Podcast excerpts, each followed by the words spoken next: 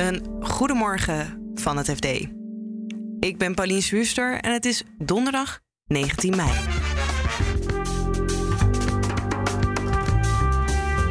Het tijdperk van de lage rente is voorbij. En toch heeft de spaarrente nog geen comeback gemaakt. Overal zien we die rentestijgingen voorbij komen. De inflatie gaat omhoog. Maar ik zie hier zelf op mijn spaarrekening niks voor terug. De hoofdeconoom van de Europese Centrale Bank krijgt minder spreektijd, zodat mensen als Klaas Knot meer te vertellen krijgen. Oh ja, in ieder geval meer spreektijd. En onze krimpregio's krimpen niet meer, behalve eentje. De enige regio die nog wel problematisch is en met recht een krimpregio nog zou kunnen noemen, dat is Zuid-Limburg. Dit is de dagkoers van het FD. De hypotheekrente gaat omhoog. De ECB gaat waarschijnlijk binnenkort de rente verhogen. Maar rente op je spaargeld, daar kan je nog wel even op wachten. Het slechte nieuws hoor je van onze bankredacteur Matthijs Rotteveel. Matthijs, wa- wanneer komt het? Komt het wel bijna aan? Ik vrees van niet. Waarom niet? Nou, omdat eh, de banken. Nou, ze zijn afhankelijk, zeggen ze, van eh, de rente die de ECB eh, rekent. Die bepaalt de rente op de korte termijn. De korte rente, dus variabele rente. Die ECB-rente gaat stijgen. Half Ja. procent, kwart procent, daar is dan nu discussie over. Misschien aan het eind van het jaar staan we een half procent of een kwart procent in de plus. Ja. Een half procent in de plus, als dat je marge is, is dat voor een bank nog heel weinig. Bovendien hebben ze de afgelopen jaren heel lang eh, gewerkt met hele lage rentes. Waardoor ze ook hele lage marges kunnen rekenen op het geld. Ze lenen geld in tegen een bepaalde rente. Liever tegen een lagere rente dan waartegen ze geld uitlenen. Dat is hun marge. Dat, dat bepaalt hun winst voor eh 75 procent. Dat is een half procentje van ECB. Dat willen ze dan nog heel even lekker zelf houden. Terwijl Als als het de andere kant opvalt, dan willen ze het graag van ons. Ja, dat wel. Maar dan zeggen ze ook, ook als de rente daalt, vragen wij onze klanten pas later die rentedaling. Dus ze hebben altijd een beetje vertraging. Dus ze zeggen dan van ja, eh, kijk maar, toen, eh, toen de ECB naar negatieve rente ging, dat was al in 2014. Wij hebben pas onze klanten een negatieve rente gerekend in 2020. Dus die zes jaar hebben wij met een negatieve rente moeten werken. En onze klanten pas eh, later die negatieve rente in rekening gebracht. En dat was ook nog maar eens voor een heel klein gedeelte. Want boven de, boven de ton, hè? Ja. Die boeterentes. Ja.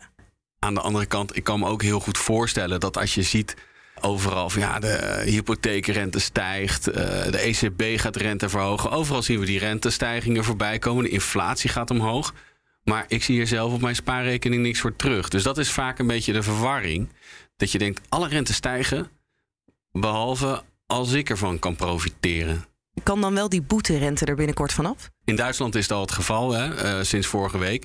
Nu zitten wij hier blijkbaar in een iets minder concurrerende markt als Duitsland. Wat sowieso natuurlijk een slecht gegeven is. Daar heb je veel meer prijsvechters die hier dus eerder mee beginnen om nieuwe klanten te werven. Maar dat is hier nog niet het geval. Ehm, de CEO van ING zei laatst bij de kwartaalcijfers van laten we eerst maar even afwachten of de ECB inderdaad zelf werkelijk in juli eh, die eh, rente gaat verhogen van min een half naar min een kwart naar nul misschien. Als dat nou het geval is, dan gaan wij ook eh, sleutelen. Nou, hij zei het niet precies zo, maar de verwachting is dat dan wij, dan gaan wij daar ook naar kijken in ieder geval. En is het dan, ehm, want je zei net al, misschien wordt mensen begrijpen het ook niet helemaal. De roep kan ook luider worden vanuit de consument om wel de rente omhoog eh, te gaan gooien. Is het dan wachten tot de eerste bank die wel iets van spaarrente gaat geven weer? Ja, maar ik vrees dat we dus nog even kunnen wachten. Die spaarrente, ja, die is gebaseerd op de ECB-rente. Die. ECB-rente die gaat stijgen. Zoveel is inmiddels wel duidelijk. Maar wat voor ECB grote stappen zijn, dat is een, een kwart procent. Nog een kwart procent. Misschien nog een kwart procent. En dan zijn we zo weer een tijdje verder. Kijk, als die inflatie zo hard gaat dat de ECB op een gegeven moment een rente van 1% eh, gaat rekenen.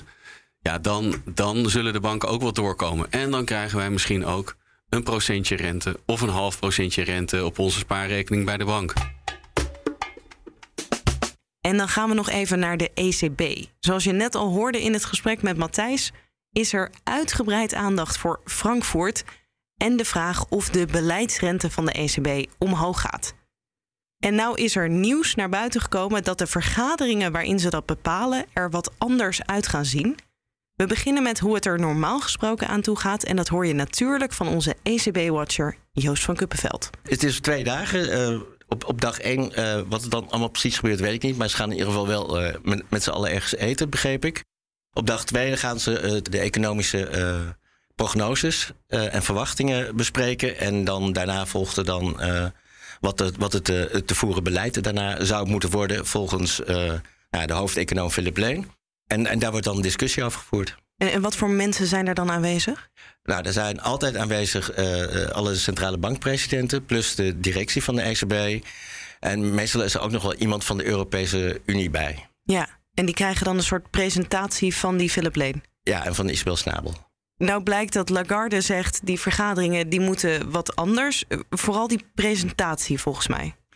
Nou ja, volgens, uh, volgens Reuters uh, uh, heeft Lagarde gezegd dat de twee directieleden die altijd zeg maar dominant zijn in die vergaderingen, namelijk Isabel Schnabel en Philip Leen, die krijgen minder spreektijd, hun presentaties moeten korter. En zo kan er dan meer ruimte komen voor de presidenten van de nationale centrale banken om, om hun zegje te doen. Ja, dus eigenlijk Klaas Knot en de zijnen in de andere landen krijgen meer te zeggen. Oh ja, in ieder geval meer spreektijd.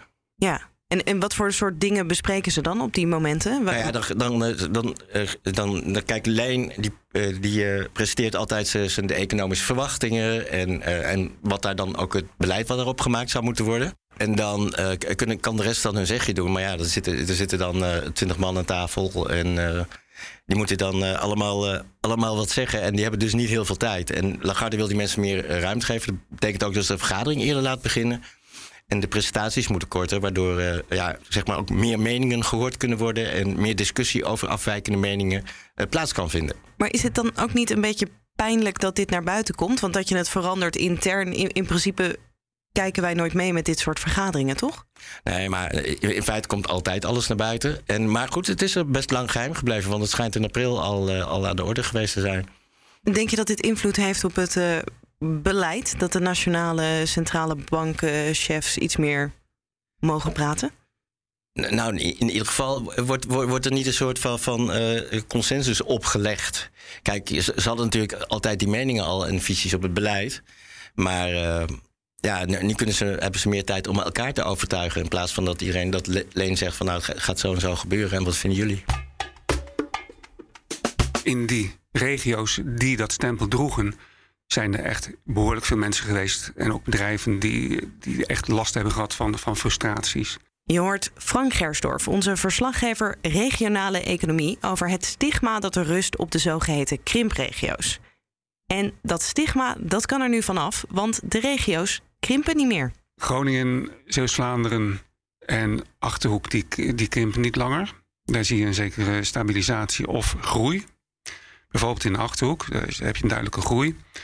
Uh, de enige regio die nog wel problematisch is en die, die je ook echt met recht een krimpregio nog zou kunnen noemen, dat is Zuid-Limburg. En, en wat is het dan met die andere drie regio's waardoor ze gestopt zijn met krimpen? Waarom zijn ze aantrekkelijker geworden?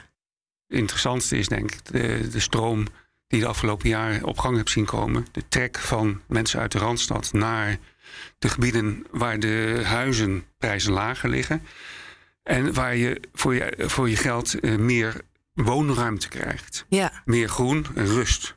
En ook een corona-effect, denk ik. Het corona-effect is dat, uh, dat je gemakkelijker op afstand van, van je werkgever kunt, kunt, kunt werken. Ja. En bijvoorbeeld in Achterhoek is dat vrij eenvoudig, omdat je daar een uitgebreid en eh, goed functionerend glasvezelnetwerk hebt. Zuid-Limburg, wat is daar dan het probleem? Waarom zie je dat effect daar niet? Nou, als je even kijkt naar de achterhoek, daar heb je heel veel bedrijven die, uh, waar, waar heel interessante banen zijn. Werkgelegenheid is daar geen enkel probleem. Nee. In Zuid-Limburg is dat wel moeilijk. In Zuid-Limburg heb je voor ambitieuze jongeren niet zoveel banenkansen. Dus die zijn erg geneigd om, ja, als je ambitieus bent, om naar de Randstad te trekken of naar, naar, naar Eindhoven. Daar kun je een mooie carrière maken, maar niet in Zuid-Limburg. Wordt Zuid-Limburg dan het enige probleemkindje en blijft dat wel een krimpregio? Of gaan we die ook uh, regio aan de grens uh, noemen? Overheid gaat het ook de regio aan de grens noemen. Ja. Maar het blijft natuurlijk wel een probleemgebied. En, en denk je dat die andere gebieden nu nou ja, safe zitten, dat die inderdaad krimpregio af zijn? Of is dit een tijdelijk effect? De lange termijn voorspellingen van het Planbureau voor de Leefomgeving en het Centraal Bureau voor Statistiek. Die zijn dat er nog wel degelijk een krimp aankomt. Maar dan heb je het over de langere termijn, echt de jaren eh, tot 2040 en 2050. En ja, dat ligt zo ver weg, dat weet niemand. Nee. Het kan echt alle kanten op gaan. Maar het, de experts die ik heb gesproken, die zeggen dat de kans toch niet zo groot is dat de krimp terugkomt.